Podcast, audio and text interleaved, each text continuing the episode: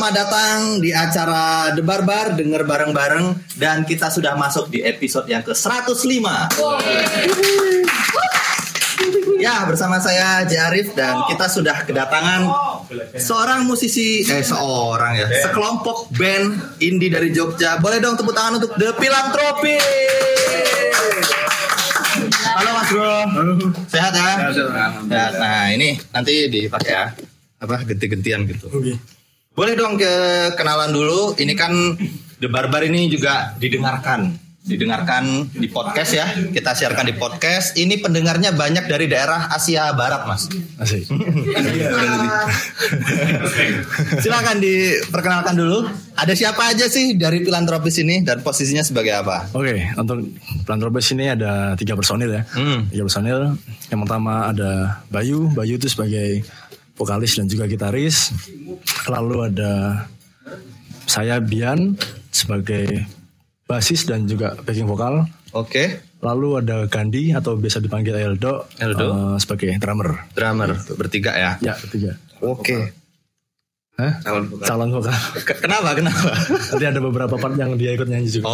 Oke oke siap. Nah ini kita akan ngobrol-ngobrol tentang karya-karya yang sudah dirilis The Philanthropist. Oke. Kabarnya sudah merilis 5 single mas ya. Betul, lima single. Wah, udah cukup banyak tapi kok belum jadi album nih. Nah, kenapa nih mas? Ya, ya, ya, ya. Boleh dong diceritain kenapa nih rilis single rilis single sampai 5 tapi belum jadi juga albumnya gimana gimana? Eh, ya sebenarnya pada awalnya tuh kan eh, band ini terbentuk sebenarnya karena band kampus mas. Band kampus. Ya belum Kampus punya mana? nama, belum punya nama. Jadi namanya sebelum jauh sebelum filantropis ya. Hmm. Ini adalah band kampus dari UPN, UPN. Fakultas Pertanian. Fakultas Pertanian. Fakultas Pertanian waktu itu saya belum belum join. Eh, itu waktu itu ada Bayu, Gandhi, sama Dandi, Hmm. sama siapa lagi? Adalah itu. Ada satu orang, saya belum kenal karena saya juga bukan anak UPN ya. Ah, Oke. Eh, suatu saat eh, mereka main gitu di acara kampus dan butuh basis Hmm. gitu kan terus kebetulan aku juga satu tongkrongan sama Gandhi sama Bayu juga terus diajakin coba dulu kita jampingan lah di studio gitu Hmm. nah akhirnya oke lah cocok terus disuruh main di salah satu acara eh, kampus UPN tersebut mas nah lambat laun kita jadi sering band-bandan bareng main ngobrol-ngobrol bareng nongkrong bareng nah akhirnya eh, kayaknya eman-eman nih kalau cuma sebatas band kamp- band kampus nih Hmm. terus coba yuk kita keluar dari nama band kampus keluar dari fakultas pertanian ini kita coba eh, lebih serius lagi untuk berproses di musik kita bikin band yang bener-bener band gitu nah Akhirnya akhirnya terbentuklah itu. akhirnya terbentuklah The Philanthropist Tahun berapa itu mas? Eh, kita Juni 2020 Juni 2020 itu berarti waktu pandemi mas ya? ya waktu pandemi waktu masih lockdown lockdownnya itu Mm-mm. Tapi malah kalian malah membentuk band. Ya itu tuh. Eh, jadi memang karena pandemi juga kan kita kekurangan kegiatan, gitu. kekurangan kegiatan. Semua kan eh, kayak kuliah online, kerja juga online, terus apa ya kesibukan yang harus yang kita enjoy untuk melakukan ya salah satunya adalah main band gitu bermusik. Oke. Akhirnya saya ketemulah dengan teman-teman filantropis ini. Hmm.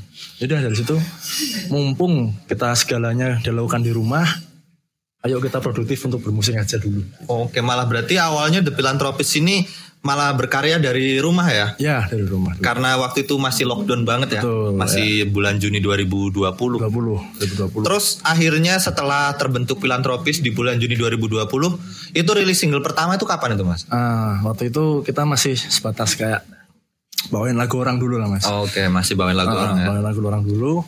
Kita benar-benar bikin single. Single pertama itu kita ada di tahun 2021 Oke.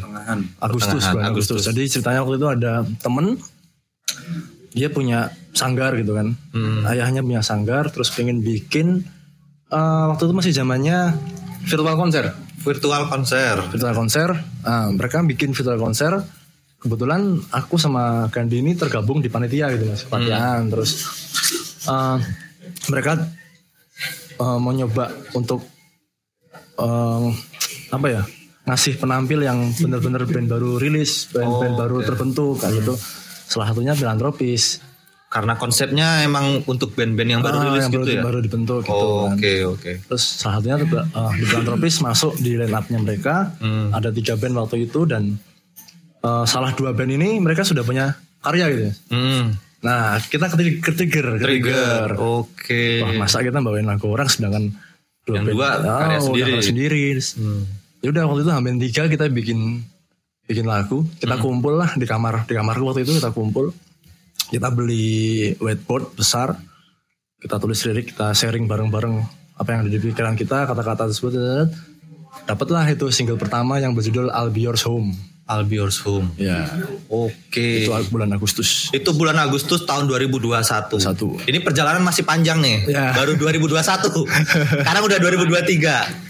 Mending sebelum kita jalan lebih jauh, kita dengerin dulu single pertama yang dibuat dadakan Hamin 3 ya. Hamin tiga. Hamin 3 sebelum acara konser virtual. Boleh kita dengerin dulu ya Pak De. Silakan eh, operator. Kita akan mendengarkan single pertama The Philanthropist yang dirilis pada Agustus 2021 ya. 2021 ya. Judulnya I'll Be Yours Home. I'll Be Yours Home. Selamat mendengarkan. I just wanna hold your hand and traveling around the city, seeing the city lights and singing. I look at you, you look at me.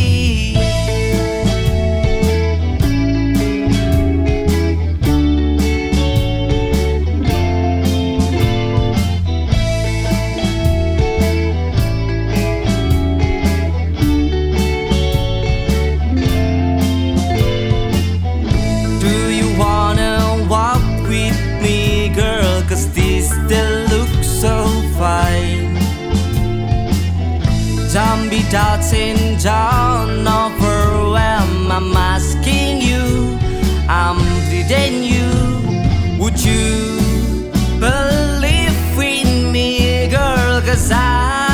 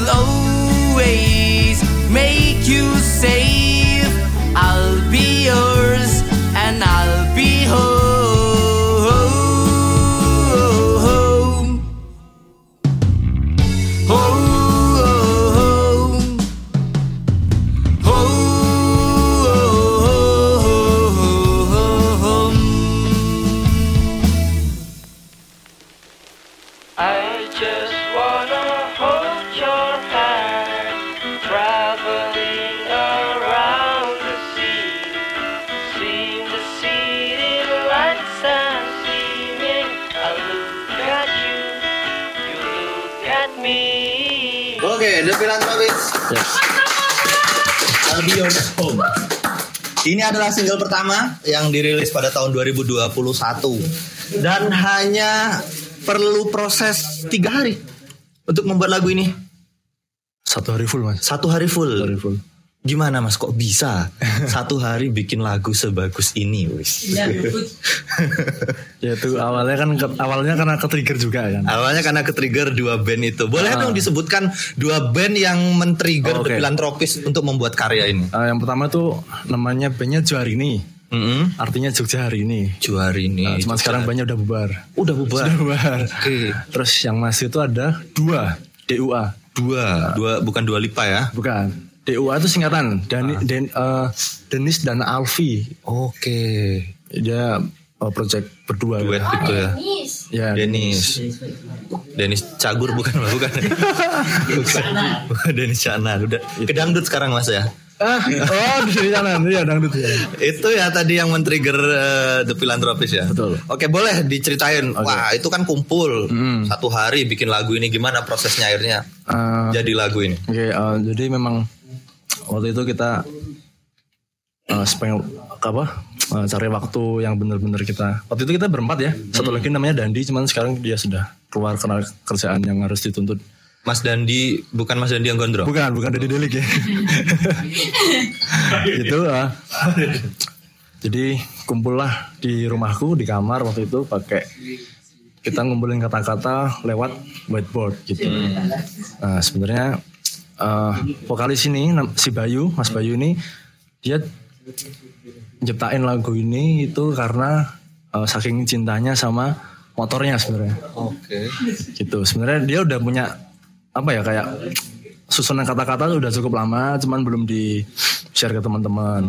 Nah waktu itu akhirnya dia eh, buka-bukaan lah kalau ternyata udah punya udah ada penggal materi gitu ya. penggal lirik yang yang dia buat gitu. Ya udah akhirnya kita susunlah itu sambil kita juga nambah-nambahin dari teman-teman yang ada masukan-masukan. Dan itu tadi terjadilah Abios Home yang menceritakan eh, kasih sayang situasinya ya kasih sayang eh, Mas Bayu dengan motor tuanya ini yang selalu menemani dia ke mana pun Mana pun. Ah, jadi- Bahkan yang nyasar malam ini juga masih pakai motor itu. pakai motor itu Oh. gitu itu kisah aslinya Oke. Ini kan salah satu apa ya momen momentum ya. ya Momentum dari The Philanthropist dalam berkarya. Kemudian single kedua itu berapa lama jaraknya setelah single pertama ini jadi? Eh, single kedua itu sekitar Februari 2022 mas Februari setengah tahun kemudian lah. ah, setahun kemudian Nah itu apa karena ada momentum lagi karena harus harus tampil terus wah harus bikin lagu baru atau memang kalian sudah merencanakan sejak lama? Nah, kalau untuk lagu yang kedua ini kan eh sebenarnya itu semua yang untuk khusus lagu yang kedua ini aku sendiri yang nulis. Oke. Aku sendiri yang nulis. Sebenarnya udah cukup lama juga. Jadi setelah Albios ini keluar, Keluar. aku udah bikin susunan nih Hmm. untuk lagu kedua ini yang judulnya I'm Trying gitu. Hmm. Untuk I'm Trying ini tuh sebenarnya bercerita, bercerita juga hampir sama tentang benda kesayangan. Hmm, Kalau ini kesayang Cuman- sayang apa nih? Kalau ini uh, sebenarnya aku sayang banget sama benda ini, cuman aku dikecewakan oleh orang yang jualan ini, Mas. Apa nih bendanya nih? Kaset eh kaset PS bajakan. KS kaset PS Bajak. Ya. Dari KS kaset PS Bajakan bisa jadi sebuah lagu ya. Ya. Luar biasa. luar biasa. sekali. Luar biasa, luar biasa. Ini jangan bilang lagu yang ketiga juga barang kesayangan juga nih ntar. Motor, kaset, apalagi ini band properti ini. Iya emang gitu. Oh gitu ya. Oke, ini berarti jaraknya sekitar setengah tahun dari lagu pertama ya. rilisnya Mas, rilisnya setengah tahun. Ah, rilisnya Cuman setengah kalau tahun. proses pembuatannya mungkin ya sekitar satu bulan dua bulan setelah bulan, dua bulan. setelah setelah itu setelah Agustus. Oke, oke, oke. Terus yang ketiga, Yang ketiga, yang ketiga itu By Your Side. Mm-mm. By Your Side.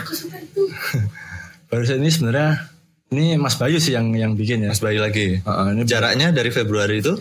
Hmm, ini uh, proses paling lama sebenarnya di lagu ada di lagu ketiga. Eh ada lagu ketiga yang judulnya By Your Side. Ini prosesnya cukup cukup lama kita karena kita eh, beberapa kali revisi mas Oke. untuk udah. lirik ada untuk, dosen pembimbingnya Iya, juga oh. untuk lirik dan juga untuk eh, bentuk musiknya seperti apa itu kita beberapa kali take ulang beberapa kali revisi gitu Rilis di 2022 juga. ya 2022 2022 Agustus. Oke. Agustus kita rilis Terus single yang keempat single yang keempat eh, itu Te Amo judulnya Te Amo ya Te Amo Apa itu Teamu? itu dari bahasa Spanyol bahasa Spanyol Oke. yang artinya Benda apa nih? aku sayang kamu Ah. I love you too. kalau ini bukan ke benda kesayangan mas Ke orang kesayangan. ke hewan peliharaan Oh hewan. Ya. Apa lagi? jadi Mas Bayu itu adalah Mas Bayu itu juragan Doro mas Doro. Heeh. Manuk Doro. dia jadi Mas Bayu ini rumahnya tuh di Pantai Samas. Hmm. dia kalau jualan burung dara itu sampai Muntilan sampai Magelang mas. Jadi sekitar berpuluh-puluh kilo dia berjuang untuk jualan doro dan saking sayangnya dia sama peliharaannya itu dia membuat lagu judulnya Ini rilis 2022 juga. 2022 juga. Akhir? September. September. September. September September. Terus yang paling terakhir ini yang, paling kelima. terakhir, judulnya We Love What We Do. Kita rilis di bulan Desember 2022 tanggal 29 baru banget Berarti sangat-sangat produktif di tahun 2022 ya. ya 2022 kita lima lagu di 2022 Lima lagu di 2022. Oke. Sebelum kita mengulik tentang lagu-lagu empat lagu yang belum kita kulik tadi ya, Ya. kita dengerin lagi Pak De. Yang kedua dulu berarti Mas. ya boleh I'm trying gitu ya. I'm trying dulu ya. Ini adalah single kedua yang dirilis Februari ya, 2022.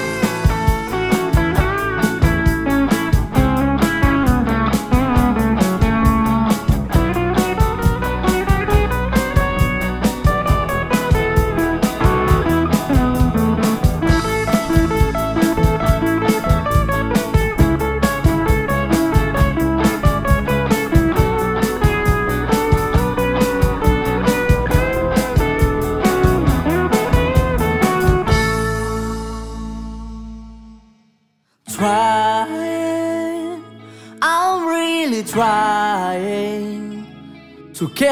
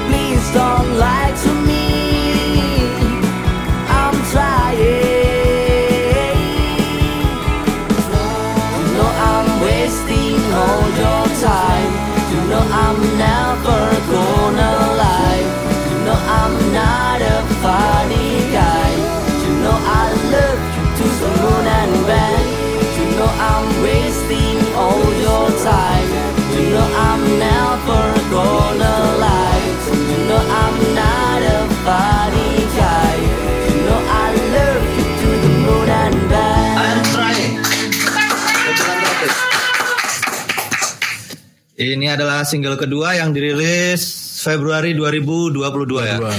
Luar biasa. Ya.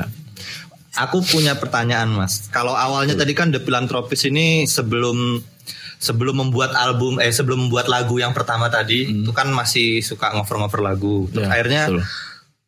membuat lagu Ya. terus lah terus musiknya seperti ini. Nah, jadi sebelumnya emang suka cover-cover lagu yang mirip-mirip seperti ini. Random sih mas sebenarnya. Random? Random. Terus akhirnya kenapa Mas mem, akhirnya ah kita bikin lagunya model-model gini aja deh. Itu apa ya menyepakati kalian semua itu? Eh, sebenarnya karena tidak sengajaan ya mas. Hmm. Tidak sengajaan dan kebetulan referensi kita bertiga itu beda-beda semua. Hmm, boleh boleh disebutkan mungkin? Eh, mungkin kalau Mas Bayu ini dia lebih ke musik-musik lama mas. Hmm. Musik-musik lama dan band- dia tuh dengerin musik-musik kayak dari Filipina, Jepang, kayak gitu, yang kita nggak tahu gitu.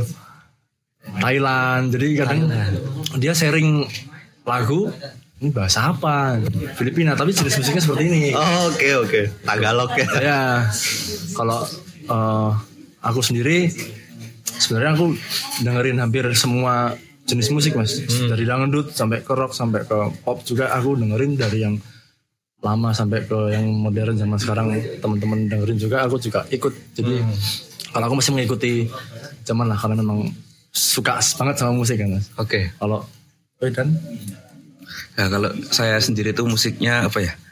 eh tergantung di playlist gitu kan. Kadang kita kalau play di YouTube, di Spotify kan eh, mungkin ada elektroniknya, terus lo-fi, kadang juga hip hop, rock, eh, banyak sih.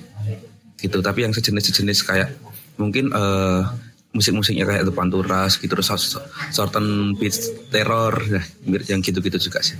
Dan eh, banyak band-band lokal juga sih yang saya dengerin. Itu. Oke.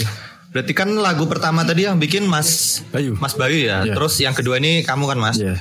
Akhirnya mengikutin gitu ya. Iya, Ya udah deh kita modelnya kita, kayak yang dibikin Mas Bayu pertama aja gitu. Dan kebetulan juga kita bertiga punya punya salah satu band yang kita suka juga. Hmm. Sebutin aja ya. Boleh boleh sebutin aja. Uh, ada The Strokes sih mas. Hmm. Dan The Strokes juga kalau lokal kita uh, ada The Cangcuter sama Naif. Cangcuter sama Naif. Oke. Ya, mirip-mirip lah. Mirip-mirip ya. Oke, kita udah dengerin dua single dari The Philanthropist ya. Yang pertama sama yang kedua. Mas Desta udah dengerin? Pastinya sudah dong. kita coba lempar ke teman-teman yang tadi sudah dengerin dua lagu dari The Philanthropist. Mungkin ada yang mau bertanya, ada yang mau apa namanya memberi tanggapan, first impression, atau malah mungkin mencela juga tidak apa-apa. Silakan teman-teman. Boleh, silakan. ais, ais. Menurut Dewi kok santai. ya, ya, ya, ya.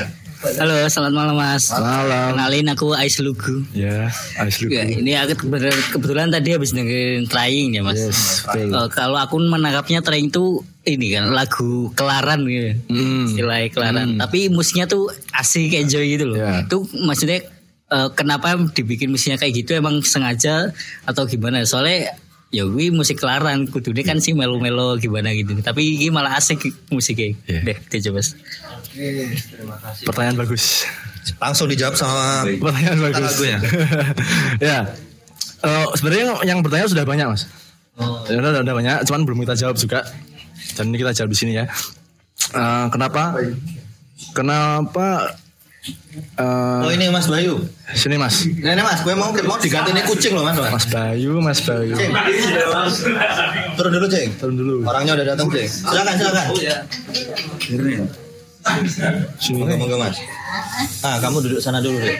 Oke. Lanjut Mas. Oke ya, kenapa musik I'm Trying eh, bisa jadi musik happy padahal liriknya lirik patah hati. Nah, jadi ya memang I'm Trying ini kalau untuk penulisnya memang menceritakan tentang kekecewaan dia terhadap penjual kaset PS itu ya. Tapi di sisi lain eh, ini juga punya cerita yang tentang percintaan. Kalau di percintaan ini mungkin benar-benar patah hati, dikecewakan oleh seorang wanita seperti itu dan eh, ketika mau tidur terbayang-bayang oleh wajahnya itu cerita kedua kalau cerita pertama tetap yang kaset bacaan nah kenapa musiknya kita bikin happy karena tidak melulu perasaan sedih dibawakan dengan sedih gitu mas. Oke. Jadi eh, menurutku yang menulis lagu ini menurutku eh, ketika kita sedih kenapa kita juga harus memiliki rasa yang sedih juga gitu. Justru malah kalau kita punya pengalaman sedih atau perasaan yang lagi sedih patah hati gitu kita coba bawa enjoy. Kita coba bawa enjoy, kita coba bawa seneng. Gimana sih kalau eh, kita lagi sedih tapi kita punya vibe yang seneng otomatis nanti kita vibe sedihnya akan kalah gitu mas kalau menurutku sih seperti itu gitu Oke mas. jadi biar biar kita nggak merasa sedih walaupun kita lagi sedih cara mengobatinya seperti itu Cara mengobatinya dengan ceria mas ya, meskipun hati sedih. Heeh. Oke, bagaimana mas? Apakah terjawab? Terjawab ya. Ini kita kedatangan Mas Bayu. Nyasar ke mana mas? Kalau boleh tahu. Ternyata tuh Pandega banyak mas. Iya, banyak. Kan sebagai warga Bantul Selatan, nah, saya ini nggak apal nama-nama jalan. Oke. Kalau suatu tempat mungkin kayak landmarknya gitu Taman Pintar gitu langsung tahu. Oke. Lah lah kok eh, cuman tahu klunya Jalan Pandega, terus habis saya mati. Waduh nih, saya puter otak nih tadi. Wow, tadi saya muter berarti mas. tadi, Tadi. sekarang udah lumayan. Aduh, iya mas. Jadi Pandega itu ada yang bisa buka Google Map gak kita jelasin? ada Pandega Tamtama, Iya. Pandega apa lagi bro? Pandega, oh Iya, Pandega. itu. Pandega Marta. Nah itu. Kayaknya sa- saya sama cewek kayaknya sama-sama nggak bisa bahasa map kayak. Oke lah ya, kita ini udah kita dalam acara The Barbar ini mas ya. Yoi. Ah, acara The Barbar, kita ngundang band Anda The Philanthropist.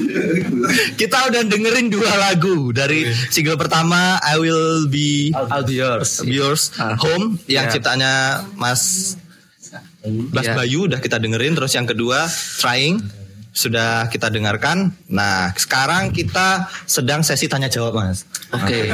kita jelasin dulu. Baru datang nggak paham ini acara apa ini kan. kita sesi tanya jawab. Biar nyambung, Mas. Oke, kita dalam sesi tanya jawab. Soalnya udah dengerin dua lagu. Yuk, pertanyaan yang kedua teman-teman silakan. Boleh menanggapi, boleh juga mencela, boleh silakan. Karena kita punya door prize loh teman-teman. Acara ini banyak banyak door prize-nya nanti di belakang ada door prize. Silakan, yang mau nanya, Mbak silakan boleh. Oh, ya, Mas silakan. Halo, selamat malam. Malam. Saya Desa Tanpa Vincent. Oke. Selamat ya buat buat lagu-lagunya asik-asik.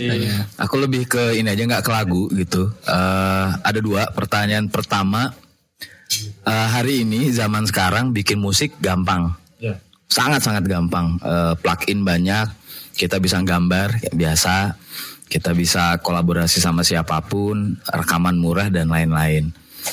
Lantas pertanyaannya adalah eh, ngapain harus bikin musik gitu? Musik ini sebagai medium apa gitu?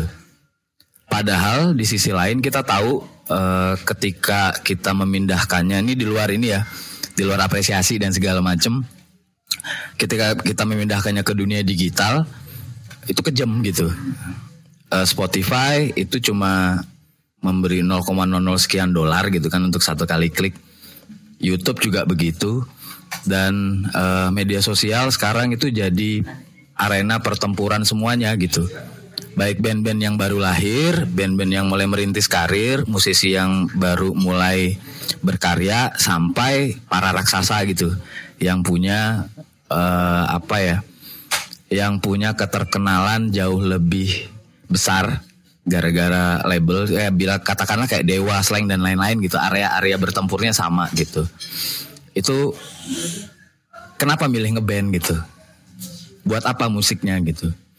Terus yang kedua eh, tantangannya apa yang teman-teman rasakan atau eh, tantangan ketika bikin karya karena tiap zaman kan tantangannya beda ya.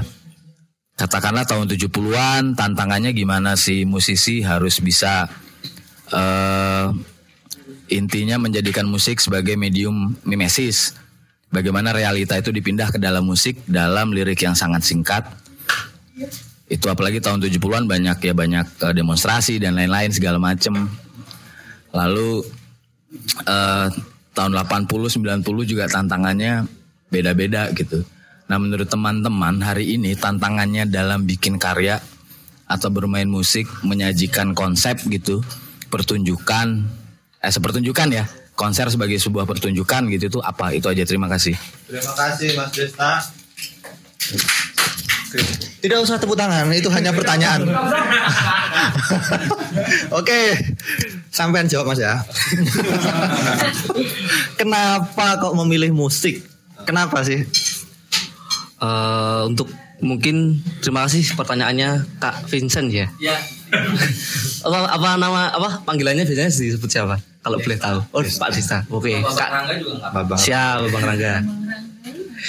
Eh, untuk pertanyaan yang pertama tadi, kenapa memilih musik? Ya. Eh, kalau em, menurutku ya, aku dulu aja dulu. Eh, karena dari kecil mungkin udah disuguhkan musik juga, jadi secara tidak sadar tuh seperti kebutuhan juga, seperti layaknya kebutuhan makan gitu ataupun eh, istirahat dan ada eh, sela-selanya tuh ada musiknya juga itu bentar baru Gimana? Apa di utara mau bikin aja dulu. Ah, sampai subuh ada aja nih. Geser gak apa-apa. geser dulu nggak Ah, kenapa eh, memilih musik mas? Masnya kan bisa berkarir sebagai lawyer atau Ya. apa gitu. Em, kalau dari saya sendiri mungkin eh, kenapa memilih musik mungkin eh, sebagai salah satu apa ya penyaluran emosi diri gitu. Eh, ada orang-orang menyal- menyalurkan melalui ah, yang memasak atau berolahraga. Mungkin kalau saya salah satunya menyal- menyalurkan emosi saya melalui musik itu sendiri. Menyalurkan emosi. Ya untuk menyalurkan emosi gitu. Apalagi ya? Ya sama kayak yang diutarakan teman saya Bayu mungkin juga eh, apa ya untuk menghiasi menghiasi hari-hari gitu biar lebih apa ya ber- lebih berwarna gitu dengan adanya musik dan bermusik seperti itu. Lanjut. Ya. Kenapa memilih musik? Kenapa bermusik ya? Eh, karena saya, oh saya dari kecil memang sama bapak sudah disuruh, Bok kamu coba jadi musisi le. Gitu kalau dari bapak gitu. Cuman kan waktu itu masih eh, Masih umur dua hari kayaknya. masih iya masih kata-kata bapak kan. Jadi kebetulan juga aku eh, saya bersm bersekolah di musik dan saya bermilih bermusik sama teman-teman ini ke, dan tujuannya juga untuk meneruskan sekolah saya di bidang musik seperti itu dan salah satu tu- eh, salah satu tujuannya adalah selain menyalurkan emosi eh, dan berkarya saya juga ingin mewujudkan mimpi bapak saya yang ingin anaknya menjadi pemain musik begitu Oke. Pertanyaan pertama, wah. Boleh, boleh tepuk tangan, tepuk tangan. boleh. Pertanyaan kedua adalah tantangan apa yang kalian rasakan mungkin satu-satu juga boleh ya. Tantangan apa yang kalian rasakan ketika bermusik di era 2010 ke atas ini Mas ya? Itu patokannya 2000. Kita nih era berapa sih Mas ya?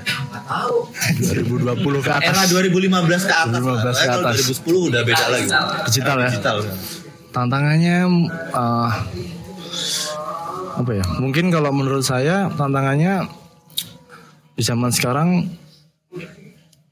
banyak banget musisi-musisi yang baru-baru yang lama-lama juga masih ke sana sini gitu. Itu salah satu tantangan kita agar bagaimana sih filantropis juga bisa masuk ke eh, seperti mereka gitu. Main di panggung-panggung besar dapat tawaran sana sini sana sini. Mungkin itu ya. Menurutmu tantangannya apa Mas bermusik di era sekarang? yaitu eh, seperti yang dikatakan Nggak boleh sama Mas. ya hampir sama. Kalau tantangannya kalau menurutku juga kenapa kok lagu-lagu yang era 90-an ke atas lebih long last kayak lebih walaupun mungkin ya melekat mungkin walaupun one hit wonder pasti walaupun cuma satu tapi pasti artisnya itu kayak ini terus. Apa impactnya ke dia tuh sangat besar. Eh, mungkin juga di sisi lain menurutku di era-era sekarang tuh distraksinya juga banyak. Maksudnya dalam ingin membuat karya mungkin wah ini banyak pertimbangan yang harus kita apa eh, kita jadikan acuan juga. Toh juga eh, menurutku bikin karya juga dari komposisi juga kan nggak kita kan juga ke influen dari yang lama juga otomatis tuh emang yang lama-lama tuh udah punya eh, kayak gudang ilmu atau ensiklopedi ke musikannya tuh emang udah kompleks gitu loh. Emang kita tuh bener kita tuh beruntung udah dapet sekompleks itu. Tapi kita juga ada tantangan untuk memilah-milah uh, kekomplekan itu dan bisa apa bisa sesuai enggak sama kita. Walaupun kadang tuh uh, juga di sisi lain ada tantangannya kita udah ngedepanin idealis, idealisme kita tapi cuman mungkin pasarnya yang belum menerima itu juga mungkin juga susah jadi kalau dipikir-pikir mau masuk industri juga uh, idealis boleh tapi juga uh, juga kita menengok juga ke pasar juga mungkin ya seperti itu Boleh ditambahkan mas? Tantangannya mas. Mungkin kalau dari saya sendiri eh, tantangan bermusik di era yang sekarang itu eh, karena banyak eh, musisi-musisi baru bermunculan, rilis- rilisan-rilisan baru muncul. Mungkin eh, dari segi marketingnya ya kita harus apa sebagai musisi itu harus memikirkan bagaimana untuk eh, memasarkan musik kita sendiri ke ke orang banyak ke ke apa namanya ke kalangan yang lebih luas gitu. Mungkin eh, kalau dari saya terkait marketingnya sih itu sih yang eh, menjadi tantangan di untuk musisi era sekarang gitu. Ada tambahan nggak mas Des? Nggak ada. Udah tadi. Eh, udah jawab belum mas? Burung. Jawab mas, jawab mas. Bingung. Lali aku. Jawab mas. Kesulitan, Iya, tantangan. ya, ya, tantangan. Eh, ya mungkin bermusik tidak selalu mengenai musik ya. Tidak cuman band-bandan juga, tidak cuman selalu membuat musik, tapi kita juga harus memikirkan di dalamnya. Seperti contoh kita harus membuat materi eh, seperti artwork, visual-visual panggung lainnya, eh, video klip juga harus itu dan juga eh, mungkin kita harus juga harus mengurus platform platform yang kita naungi contohnya seperti yang zaman sekarang tuh ada Spotify ada Apple ada, musik ada YouTube Eh, ya macam-macam lah itu juga tantangannya juga di situ kita harus bisa mengurus platform itu dengan baik supaya ada orang yang bisa berkunjung ke kanal platform tersebut gitu. mungkin dari situ sih tantangan-tantangan yang harus di Jadi sekarang lebih banyak media-media atau platform-platform yang harus diurusin gitu mas ya. Ya karena zaman sekarang kan media udah besar banget ya mas. Jadi kalau uh, kita hanya bermusik dan hanya memikirkan musik, mungkin mungkin kurang agak kurang ya untuk bisa memasuki ke ranah-ranah tersebut, ranah yang lebih lebih lebih jauh gitu. Jadi kayaknya zaman sekarang lebih kompleks ya dalam bermusik ya. Harus mikirin hal-hal yang lain juga ya. Mas Des bagaimana? Oke, kita lanjut ya berarti ya. Ya. Kita tadi udah dengerin dua single, single pertama, single kedua. Ternyata The Philanthropist sudah rilis 5 single. Nah, Betul. ini kapan mau bikin albumnya nih? Kapan bikin album ya? Sudah ada rencana atau memang ya udah ntar rilis single lagi, rilis single lagi Eh, gitu? enggak. Eh, kita kemarin sudah paten, udah bilang lagu kelima kemarin adalah single terakhir kita di tahun 2022. Oke. Jadi untuk ke depannya sih semoga, kalau semoga lancar ya kita sedang menggodok album sih tahun ini mas. Tahun 2023 ini. Iya sedang menggodok album tapi mungkin ya kita akan merilis album tersebut di tahun depan ya awal tahun sih. Ya. Tapi materi untuk melengkapi al- album ini sudah ada. Sudah ada semua. Sudah ada semua, tinggal berarti tinggal rekaman aja ya. Iya tinggal rekaman dan. Oke, kita doakan semoga The Philanthropist bisa rilis album tahun depan ya teman-teman. Amin. Oke, sekarang kita dengerin lagu yang ketiga, single yang ketiga. Ini judulnya apa nih yang ketiga? Judulnya By Your Side. By Your Side.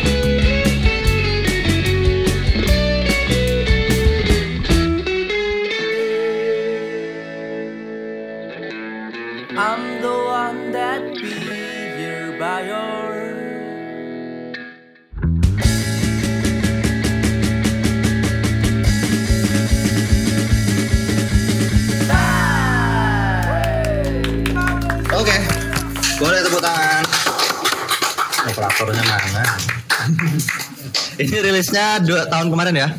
Ya, Tahun 2022. kemarin bulan Agustus. Ini September. Eh, yang ini September. Agustus Pak Agustus. Hah? Agustus. Agustus ya? Agustus. Bener aku Thomas. wow, Bu, berarti tahun kemarin tuh The Philanthropist tuh sibuk banget ya, sampai bisa rilis 4 lagu loh. Li- lima lagu. Tahun kemarin Lima lagu. 5 lagu ya. Lima. Anjir. Keren banget ya. Maksudnya eh apa sih yang sebenarnya apa sih tujuan kalian tuh kayak goalsnya tuh apa mas? Kayak wah tahun ini kita rilis 5 lagu yuk gitu. Ya? Selain album ya, Ya, selain ya, album. ya, ya, ya. Apa? Emang pengen bener-bener masuk industri? Eh, sebenarnya lebih ke eman-eman sama bandnya mas. Eman-eman sama jadi kita ya jadi awalnya kita baru rilis satu single ya satu single yang Albios itu itu lumayan agak mangkrak kan mas. Ah, Maksudnya kita tinggalin agak lama kita nggak rilis lagi gitu. Oke. Terus akhirnya kita memikirkan memikirkan ah ini kita ngapain kita udah rilis masa kita nggak nggak bikin suatu hal yang baru lagi. Udah akhirnya akhirnya kita seperti biasa selalu kumpul kumpul kumpul ya udah mencoba buat bikin materi-materi baru dan waktu itu memang langsung empat tiga lagu lah kita dapat cuman masih harus diproses beberapa kali lagi dan akhirnya ya dari awal kita kumpul kita udah dapat tiga materi udah tinggal direkam aja gitu Jadi sebenarnya bikin cepet itu sih mas karena kita sudah sudah mengumpulkan materi bersama-sama dulu gitu Kalian ini posisinya masih kuliah semua atau sudah pada lulus? mereka berdua yang masih Oh, Bayu sama Gandhi yang masih kamu kuliah. udah. Oke, berarti ini kalian Jogja semua ya? sudah semua Jogja semua. Insya Allah berarti ini bandnya awet nih ya. Kelar lulus masih masih ngeband-bandan atau mau jadi PNS aja nih?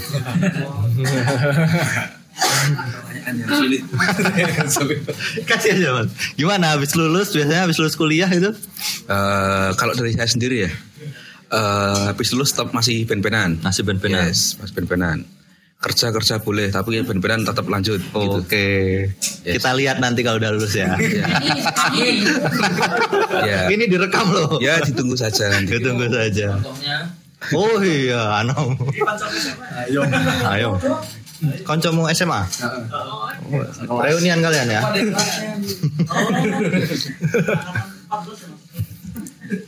Oke, tadi kita udah dengerin yang Bayor Bayor side Bayor Side.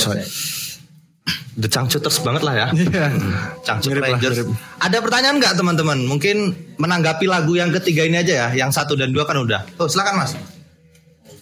Monggo, mas. Oke. Cek. Ya. Halo. saya Raga. Saya cuman mau ngerti aja sih. By Your Side ini eh, setelah saya dengar tadi barusan jujur baru dua kali saya dengernya. Itu seperti menceritakan eh, hubungan eh, dua pribadi yang saling suka tapi nggak bilang gitu ya. Betul nggak? Sorry.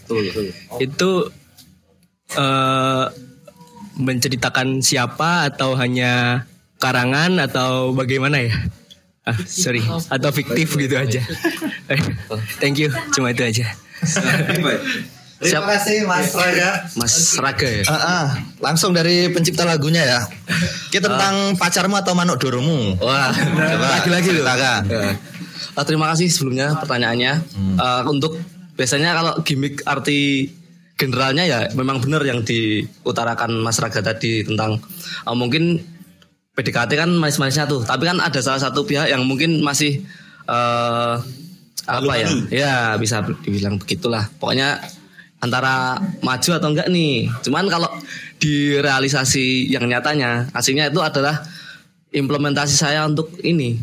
Kalau latih merpati kan aslinya emang ini harus apa emang harus tahu kondisi hewannya itu eh, kira-kira dia udah bisa nggak dilepas lebih jauh? Nah itu kan ada kan liriknya juga pas cuacanya cerah. Nggak mungkin kalau kita ngelatih itu di cuaca mendung. Itu kemungkinan akan menyebabkan kayak dia bingung gitu terus hilang trauma bisa. Ntar tantrum juga bisa dia enggak deh ya pokoknya itu. Eh, intinya kalau mau yang asli itu itu apa ngelatih merpati itu. Pokoknya semakin lama memang semakin jauh. Tapi kan semakin lama juga kan eh, yang eh, majikannya merpatinya atau mungkin ya nggak majikan sih lebih baiknya sahabatnya merpatinya ini mungkin lebih bonding sama merpatinya. Jadi tahu dia kalau oh jarak segini nih bisa kali kalau dia di aduh, apa di di apa dilatih terus pulang ke rumahnya seperti itu. Jadi lagunya tentang burung mas ini sebenarnya Ya, mas. itu aslinya. Cuman metafor aja. Metafor. Berarti cukup banyak lagu yang kamu ciptain dengan inspirasi burung-burungmu ini ya? Iya, selain itu juga ada yang lain nih aslinya. Tapi ntar aja. Ntar aja. Tadi, tadi udah ya. Tadi, tadi, Tadi yang pertama udah, tentang yang motormu tadi Iya, kan? Nah, Oke oke. gitu lah. Gitu mas, terjawab mas. Oke ya. Ada lagi yang mau bertanya mungkin menanggapi tentang lagu ini ternyata lagunya tentang burungnya Mas Bayu.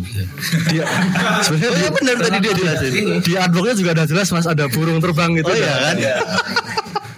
Ada lagi yang mau menanggapi teman-teman? Kita pak punya door prize loh nanti. Pak D mungkin Pak D. Kapan?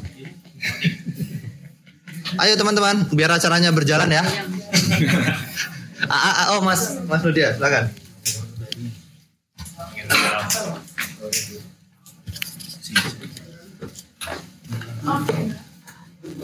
Eh, aku tuh penasaran sama Mas yang di tengah apakah bisa bikin kopi gak sih? Eh? Sorry, barista, barista.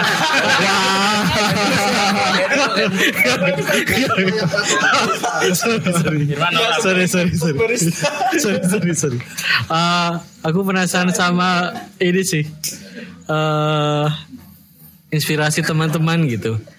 Aku yang kupikir tuh sebelum aku tadi aku kan belum dengar lagunya toh. Terus kupikir filantropis tuh kayak rock gitu-gitu. Terus pas satu lagu tuh itu langsung kayak uh. Nah, ap- eh, aku penasaran sama influence teman-teman sih sebenarnya. Apa gitu. Sama eh tadi udah belum sih filantropis itu apa gitu? Belum, belum. Oh, itu sama filantropis itu apa sih gitu? Oke, oke. Terima kasih. Mas Nudia, pertanyaan pertama, apakah bisa membuat kopi? bisa. Bisa bisa mas bikin kopi saset gitu bisa. Yo, tadi Mas Nudia ngiranya rock yang lebih gimana Mas? Ya. Ternyata rock rock and roll gini ya? Aku pikir tuh kayak di rumah ternyata metro. Oke, metro. Mm-mm. Oh, dari namanya tuh dikiranya metrok gitu. Oh, iya, Ternyata iya. begini gitu. Terus sama sekalian arti the philanthropist. Silakan. Oke, yang Sering pertama nggak sering nggak ada orang yang kayak Mas Nudia mengira apa salah salah kaprah tentang lagu lagu-lagu musik kalian gitu? belum ya? Belum ah. Nggak tahu ya kalau misalkan tapi kalau untuk pertanyaan baru ini sih. Oke. Oh, kalau yang ditanyakan baru ini, tapi nggak tahu kalau yang dipendem nggak ditanyakan belum tahu juga. Ya tadi apa ya influence-nya ya? Hmm. Ya, tadi yang seperti yang pertama udah dibilang kita punya referensi musik yang berbeda sih. Dan juga kita kebetulan ada eh, band favorit juga yang kita bertiga dengerin. Salah satunya ada Beatles, ada Cangcuter, ada Naif seperti itu. Ya mungkin arahnya ke situ sih ya antara mereka mereka ini ya. Gitu sih kalau influence influence musik masing Influence-nya The Beatles. The Beatles arahnya gitu sih. Ya. Kayak langsung kayak. Iya, ya arahnya. The Beatles yang lawasan ya. Iya. Beach Boys seperti itu. Terus arti dari The Philanthropist. Siapa yang menciptakan nama ini? Mas Bayu. Jangan bilang artinya terinspirasi dari Manuk Mumeneh loh mas. Eh, sebelum eh, mendapatkan kata filantropis tuh eh, taunya malah kata yang serapan bahasa Indonesianya yang filantropi. Itu gara-gara dengerin singlenya Pijar dulu. Pijar band Medan dulu. Ya yang eh, tuh si Pijar ya. Si Romantic Echoes. Oh iya itu juga. Tirtau nah itu pas dengerin tuh ini kayaknya ini nih apa lumayan menarik kata-katanya ini. Mas, apa maksudnya kak filantropi ini apa bikin penasaran kan coba searching searching oh bagus juga katanya Eh, arti katanya Apa artinya mas? ya intinya kalau yang filantropi itu eh, kayak menyin- mencintai antar sesama gitu makhluk Gitu terus kalau enggak kita kayak eh, sharing kebahagiaan juga. Jadi sebagai individu juga eh, harapannya tuh pas kita ngeband tuh bisa apa yang kita eh, bawakan atau sampaikan di pas kita tampil tuh semoga bisa membuat teman-teman ataupun yang menonton tuh bisa gembira gitu loh. Seperti itu. Gitu mas, mencintai sesama. Tapi bukan LGBT bukan ya? Bukan. Bukan. Bukan. Makhluk lah pokoknya. Mencintai sesama makhluk. Kan Desa Dharma. Desa Dharma. Desa Dharma. Bukan. Beda, beda. Beda. Udah, Angling Dharma ya. Takling Dharma. Jangan. Salah mas. Waduh. Terjawab mas Nudia. Tutur tinular ya. Oke. Ada lagi yang mau? Oke, Mbak, silakan. Halo. Halo halo. Malam. Aku PW. Aku malah lebih tertarik sama artworknya By Your Side. Nah, itu itu terinspirasi dari apa? Ada maknanya atau korelasinya nggak sih sama lagu yang dibuat? Tapi kalau tadi bilangnya karena merpati ya Mas ya, itu ada merpati terus tadi udah dijelasin. Tapi kayaknya itu ada korelasinya. Berdiri mas, berdiri mas. Jadi aku pengen pengen diceritain dong bisa jadi menghasilkan artwork yang kayak gitu tuh itu tuh dari mana? Copot saya wae, mas. ya ini ya eh, yang ditanyakan Mbak E. Raga raga. Wah, stikernya gede banget. Bayu Saidi. Mas Bayu seneng di mas. Apa? Seneng lanang gue. Kayaknya di dalam rumah itu kayaknya baru dalam. Oke, terima kasih. Ya sama-sama. Oke, siapa yang bikin artworknya mas? Oke, yang bikin artworknya itu ada temen kita, temennya Mas Bayu sih satu desa sama Mas Bayu namanya itu Mas Bondan. Mas Bondan. Bondan siapa? Bundan eh, Bundan ini yang Magnus ya bukan. Bondan Mbak. Mas pokoknya Mas Bundan gitu lah. Lupa gua Mas ini, Bondan. nama panjangnya. Itu tuh emang beliau suka Gambar. Iya, desain juga di apa? Desain-desain gitulah. Terus tak mintain tolong tapi sebelumnya udah tak getin dulu gitu Mas. Kayak mau konsepnya tuh emang udah kepikiran gara-gara nonton nggak tahu keseliwer aja di Google gitu.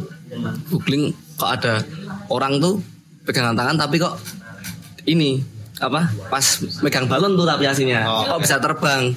Aku pikirannya wah ini korelasinya kalau kayak gini tak ganti burung juga bisa terbang kayaknya gitu.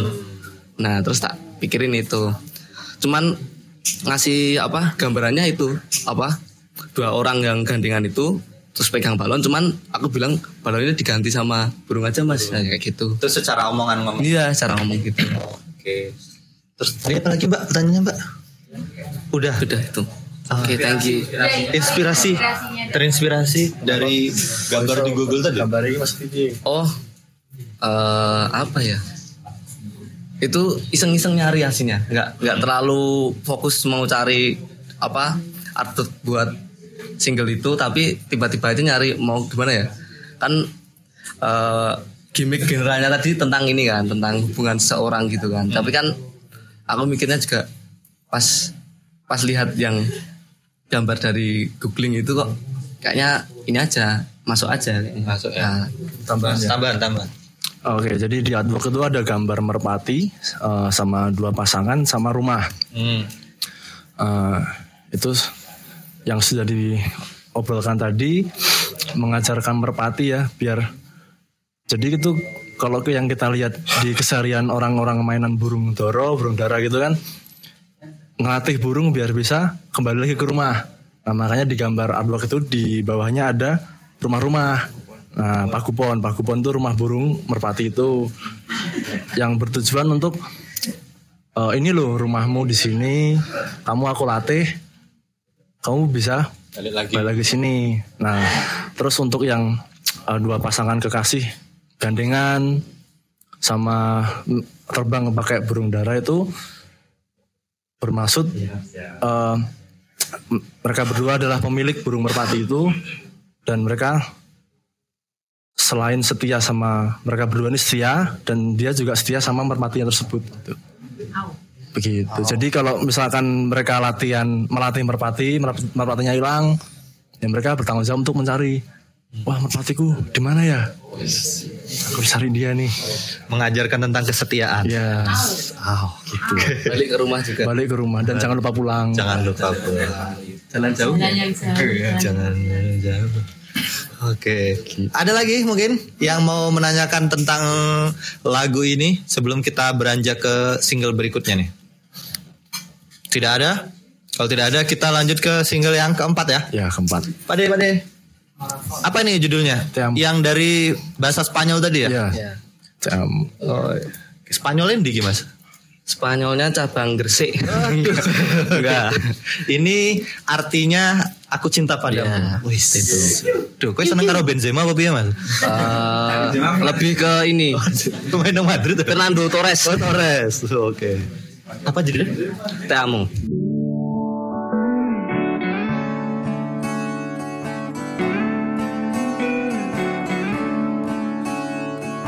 Oh, te amo. I say that I love you so. So please don't break my heart. Cause I belong to you always. You know I'm grabbing you. You know that I need you.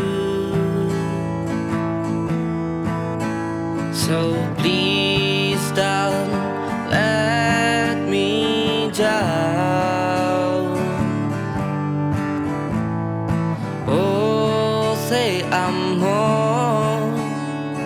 I that I love you so. So please don't break my heart. Cause we're half over apart, you know I'm missing you. You know that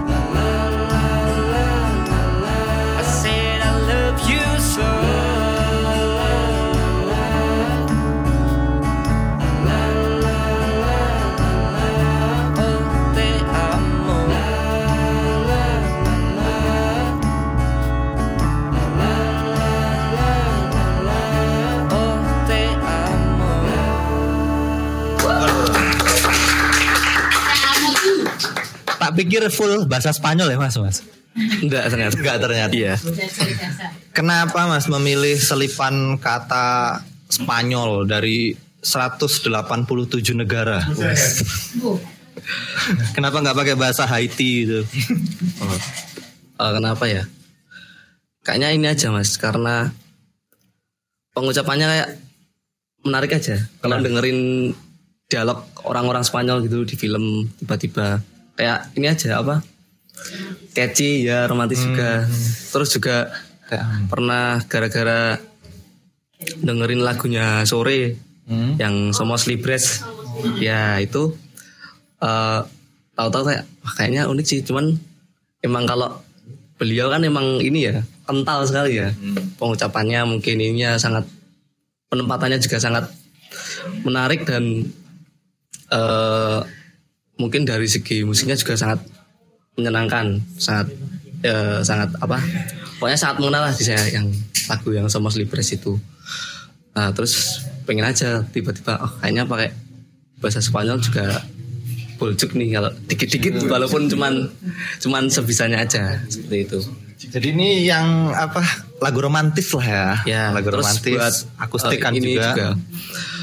Eh, pikirku dulu pas buat juga kalau mungkin kalau tiba-tiba kepikiran setlist kan mesti lebih dari eh, mungkin lebih ada banyak lagu gitu kan nah itu buat ini aja buat kita cooling down aja kan ada lagu akustiknya buat ah dinamikanya biar ada lah kalau biar kita kalau mau manggung gitu Oke oke buat Iya, santai dulu santai dulu, kalau ya. dulu. Dulu. Oke. Ada yang suka banget dengerin lagu ini? Suka banget ya. Coba kita eh, lempar lagi siapa yang mau bertanya tentang lagu Teamu ini ya. Yom? Teamu tuh judulnya apa? Yo, te, yo Teamu.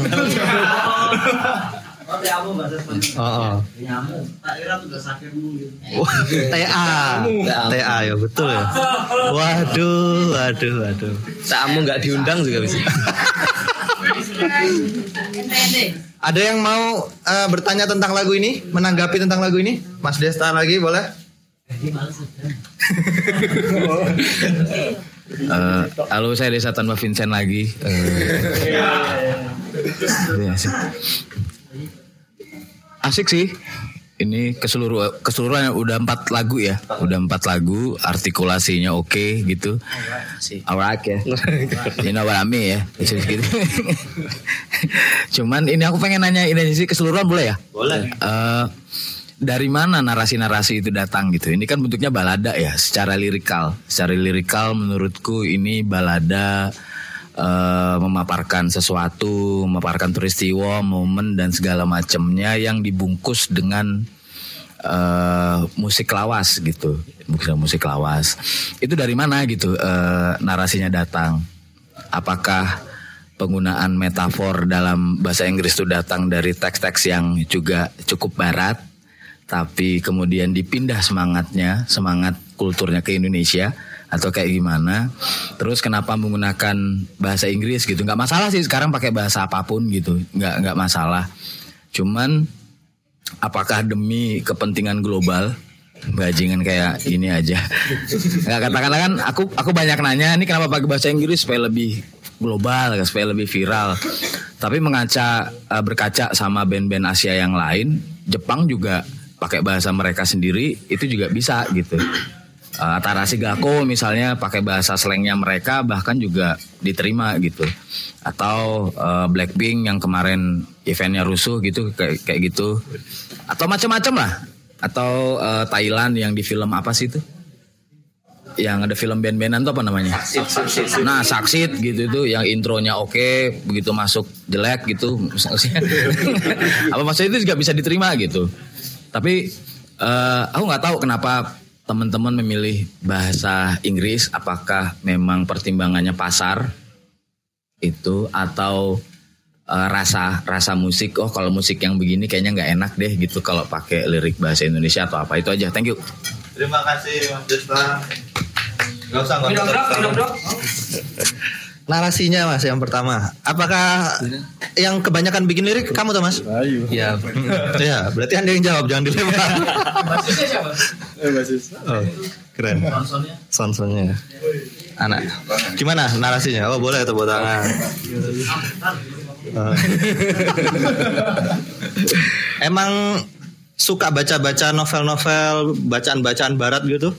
Atau gimana boleh diceritakan? kalau kalau aslinya sih eh secara istilahnya mak jegagi aja. Tiba-tiba nah, tiba-tiba mak terataba Eh, jadi inspirasinya cuman gara-gara terpantik dengerin lagu doang. Jadi terus eh, untuk narasinya atau liriknya nanti cuman eh, berlandaskan cocokologi sendiri. Cocokologi terus di match matchin oh ini kedengarannya lebih apa? Lebih catchy nggak kayak kalau apa progresnya gini terus pakai pemilihan kata yang ini gitu. Terus kenapa memilih Bahasa Inggris. bahasa Inggris? Itu karena hmm, eh, lebih ini lebih lebih men- mendapat kemudahan sih. Nggak tahu kenapa kalau di bahasa Inggris tuh kalau lirik tuh lebih ini aja lebih pengerjaan juga lebih cepat. Nggak nggak nggak apa nggak terlalu banyak timbang apa menimbang-nimbang lah. Karena menurut saya sendiri aslinya lirik Indonesia sangat sangat sangat bagus.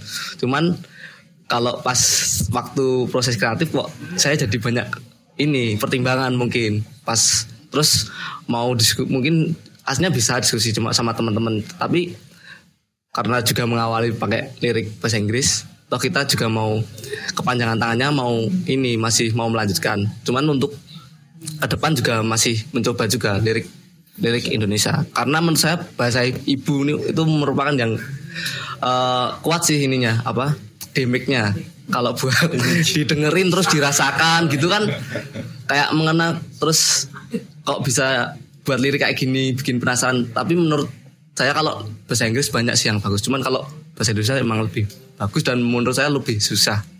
Lebih tahu kenapa iya. Sulitnya apa kalau banyak nulis? pertimbangan. Misalnya mau mau yang bahasa bahasa apa ya? Bahasa eh, mungkin penyampaiannya yang radi menye mungkin ya. Karena kan ini kan lagu-lagu yang eh, radi romantika romantika lah gitu. Mau yang menye tapi di sisi lain idealismenya mau wah nggak mungkin nih nggak te- terlalu menye gini.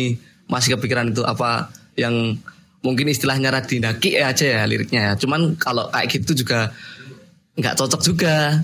Walaupun kalau melihat musik lama tuh emang liriknya tuh emang segamblang itu juga. Tapi kita ngerasanya nggak apa-apa aja soalnya enak aja. Cuman kalau makin ke sini makin ke sini lihat-lihat eh, mungkin juga dengerin yang lain juga ada juga yang liriknya eh bisa bisa mewakili diri sendiri ya minimal. Tapi itu eh, nggak mainnya juga nggak terlalu ketinggian gitu loh.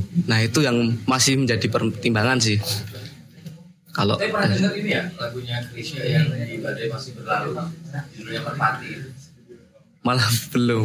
Nah, belum jadi entah kenapa di album itu itu kan dijadikan eh, disebut sebagian banyak orang sebagai tonggak musik pop di Indonesia ya. Album badai masih berlalu ada ada buta huruf, Oh, ada sama Eros Jarot dan lain-lain. Nah, Krisya di situ itu memakai metafor merpati putih untuk eh, memaparkan penderitaan gitu. Lagunya gelap banget. Nah, mungkin mungkin loh, mungkin loh, mungkin kita bisa kembali ke situ. Kalau menurutku ya, kita bisa kembali bagaimana psychedelic itu bisa diubah menjadi tanda kutip sangat Indonesia banget. Kayak gitu. Nah itu PR buat kalian. Tapi kan mereka mau bikin satu lagu yang dengan bahasa ibu kan nantinya kan? ya Nah, itu mas. Kita tunggu saja nanti ya. Ada yang mau nambahin mungkin? Pertanyaan dari Mas Desta? Tapi tadi emang agak tertuju ke dia ya, yang masalah narasi. Tapi mungkin yang yang lainnya mungkin mau nambahin enggak apa-apa? Apa ya? Kan saya nulis semua. oke oh iya iya. Ya ya ya ya, ya. Oh, kalau aku mungkin apa ya? Ya masih masih ini ya masih mungkin belum nemu eh belum ya masih ragu-ragu ya untuk nulis bahasa Indonesia. Karena pada waktu itu eh, nggak tahu kenapa dimudahkannya dengan menulis bah- pakai bahasa Inggris gitu. Eh, kita juga udah pernah sempat bahas ini waktu kumpul eh, mungkin juga kayak masalahnya kayak ada beberapa band yang sama masalahnya takut masih ragu-ragu kayak nanti dibilang alay lah atau Misalnya sama siapa misalnya? Hah? Harus nyebut nih. Gak apa-apa, gak apa-apa. Siapa ya? Ya waktu itu pernah dengerin eh, adalah perbincangannya Mas Rekti.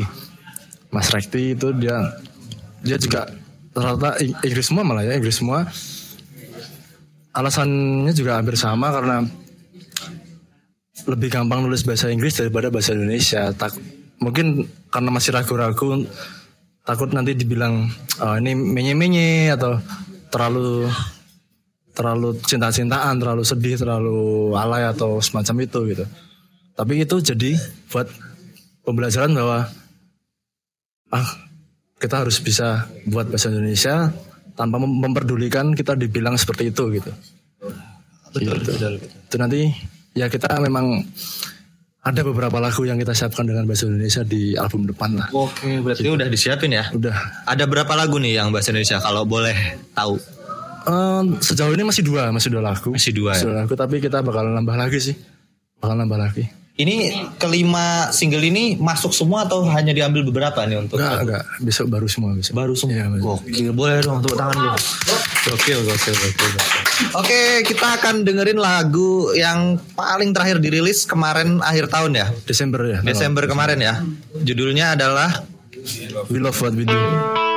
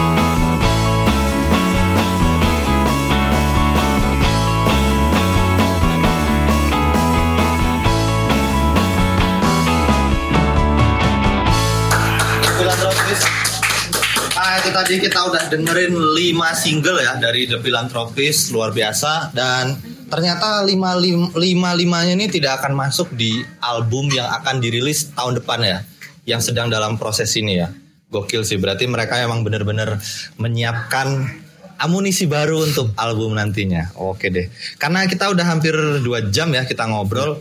eh kita akan kasih closing statement untuk acara. Oh, ada yang mau nanya? Satu lagi boleh? Ya, kan? boleh, boleh, boleh. Boleh. Silakan Bahan. Halo Mas, Ya lu. berhubung saya belum pernah nonton kalian manggung, aku mau nanya nih. Hmm, kalau pak- waktu kalian manggung tuh dengan membawakan genre yang seperti ini, ada konsep waktu manggung nggak sih kayak dari wardrobe atau dari stage act gitu? Mau nanya gitu aja. Soalnya biasanya kan yang kayak gini-gini kan disesuaikan tuh kayak semacam white shoes, sore, cangcuters kan kayak satu vibe gitu kan antara musik sama visualnya gitu istilahnya. Nah kalian kayak gimana? Kasih gitu. Terima kasih Bahan. Wardrobe. Apakah kalian juga memikirkan itu? Akhir-akhir ini ya. Akhir-akhir ini. Dulu awal-awal manggung kita kayak bebas saja. Pakai baju seadanya lah gitu. Cuman eh, lambat laun kita juga mikir, kayak kita harus mikirkan eh, bentuk kita juga nih biar biar orang-orang tuh nonton kita juga wah gitu lah. Ada itu kita ya akhir-akhir ini kita manggung jadi hem-heman semua. Pakai pakai berkerah pakai berkerah gitu. Tapi sama semua kayak Oh, The enggak. Beatles, Cangcuter gitu Enggak. atau enggak? Beda-beda sih. Masih beda-beda. yang penting satu tema gitu. Iya satu tema satu tema masih satu tema gitu. Kalau stage edge atraksi panggung ya. Atraksi panggung. Ada selalu ada. Ada. Setiap panggung hampir beda-beda juga. Oke. Eh, salah satunya kita selalu mengaransemen ulang lagu-lagu yang kita bawakan gitu. Dan juga kita ada kayak eh, kemarin ini kita main di salah satu acara gitu kita bagi-bagi kopi. Bagi-bagi kopi. Bagi-bagi kopi saset gratis khususnya untuk teman-teman kontrakan dan kos gitu kan. Nah gitu salah satunya itu sih kita bagi-bagi terus juga em, menambahkan unsur komedi-komedi di eh, apa cicat kita lah kalau lagi break gitu kita selalu bercanda sama teman-teman interaksi juga sama penonton gitu Oke. itu sih Gitu Mbak An. A- apakah terjawab? Tuh gak cukup. Oke, kalau gitu mungkin sebelum kita menutup acara ini, boleh diinfo dong eh, panggung terdekat sudah ada belum jadwal? Panggung terdekat besok ini. besok ya di SKE. Oh enggak, besok ini di Eternity Coffee. Eternity Coffee. Ya, tanggal 16 kan eh tanggal 17 Tanggal Maret di 17. Eternity Coffee, tanggal 18 Maret di SKE. Tanggal 16 di Eternity, tanggal, 17. di SKE. Kebalik, tanggal 16 di sini, ini 16. Oh iya, 17 18 ya. 18. Jamnya Kalau untuk tanggal 17 itu kita jam 8 Jam naik. 8 malam. Ya, jam 8 malam kita naik panggung. yang SKE Yang di SKE kita jam 4 sore. jam 4 sore. Oke, teman-teman buat eh, yang penasaran lihat mereka silakan datang ke Eternity dan SKE besok hari Jumat dan Sabtu. Oke. Terima kasih. Eh, boleh dong kasih closing statement satu-satu ya eh, tentang acara The Barbar ini. Silakan dari Masih dulu. Eh, Untuk acara ini. menyenangkan dan semoga tetap lestari. Oke, terima kasih. Selanjutnya. Oke, untuk The Barbar harus tetap selalu ada agar teman-teman yang lain juga bisa ikut promosi. Oke, terima kasih. Dan Saya semoga eh, pendengarnya lebih luas lagi sampai ke mana-mana pun dan bisa menjadi tempat atau eh, menjadi wadah bagi musisi-musisi Yogyakarta. Thank you. Selanjutnya. Eh, mungkin terima kasih untuk The Barbar. Eh, semoga ke depannya makin gokil, makin caur, makin mantap dan eh, makin oke lah pokoknya. Terima kasih. Boleh tepuk tangan untuk The Philanthropist. Dan juga jangan lupa teman-teman eh, bisa juga mendengarkan siaran ulangnya ini. Wah. Setiap hari Senin jam 3 sore akan diupload episode baru di podcastnya The Barbar. Silahkan dengarkan di Spotify ya. Wah itu. Terus buat tadi para penanya, kalian berhak mendapatkan door prize. Tapi door prize-nya ini yang milih dari The Philanthropist. Silahkan kalian berikan ke orang yang menurut kalian layak mendapatkan hadiah-hadiah ini. Sama itu mas, di bungkusan itu mas. Nah, ah, ah, betul. Nah, silahkan kalian bagikan ke orang yang menurut kalian layak mendapatkan ini. Satu-satu ya, tapi ya. Mungkin daripada rebutan pemimpa dulu. Oh jangan, pasti aja nggak apa-apa. Eh, silakan sambil saya bacakan eh, sponsor yang sudah mendukung acara ini. Terima kasih kepada Mall Kopi tentunya. Langsung aja Mas ya. Terima kasih kepada Sonletarian, Kekepin Dompet, Rilisan Fisik, Jono Terbakar, Kukilis, Kukili Cookies, Diskon YK, Lawas Pantas, J-Craft, Bulbul Gishub, Res Haris, Kebun Roti, Excellent Souvenir Invitation, dan Subidu. Boleh tepuk tangan untuk sponsor. Selanjutnya terima kasih juga kepada media partner yang sudah mempromosikan acara ini. Terima kasih kepada Koloni Gigs, Musik Jogja, YK Weekend, Bilik Musik dan Angkringan Musik. Boleh tepuk tangan sekali lagi. Dan jangan lupa hari Kamis tetap datang ke sini. Minggu depan ada siapa deh? Realindra Itu adalah hari pertama puasa tetap gas. tetap, Tetap. habis bukan Habis buka ya. Nah, nanti juga ada menu buka puasa di sini. Jadi yang mau bukber bareng di sini sama teman-teman musisi boleh. Habis buka puasa, habis sholat maghrib kita lanjut ngobrol-ngobrol sampai sebelum taraweh. Oke, terima kasih banyak yang sudah datang. Saya Jarib sampai jumpa minggu depan.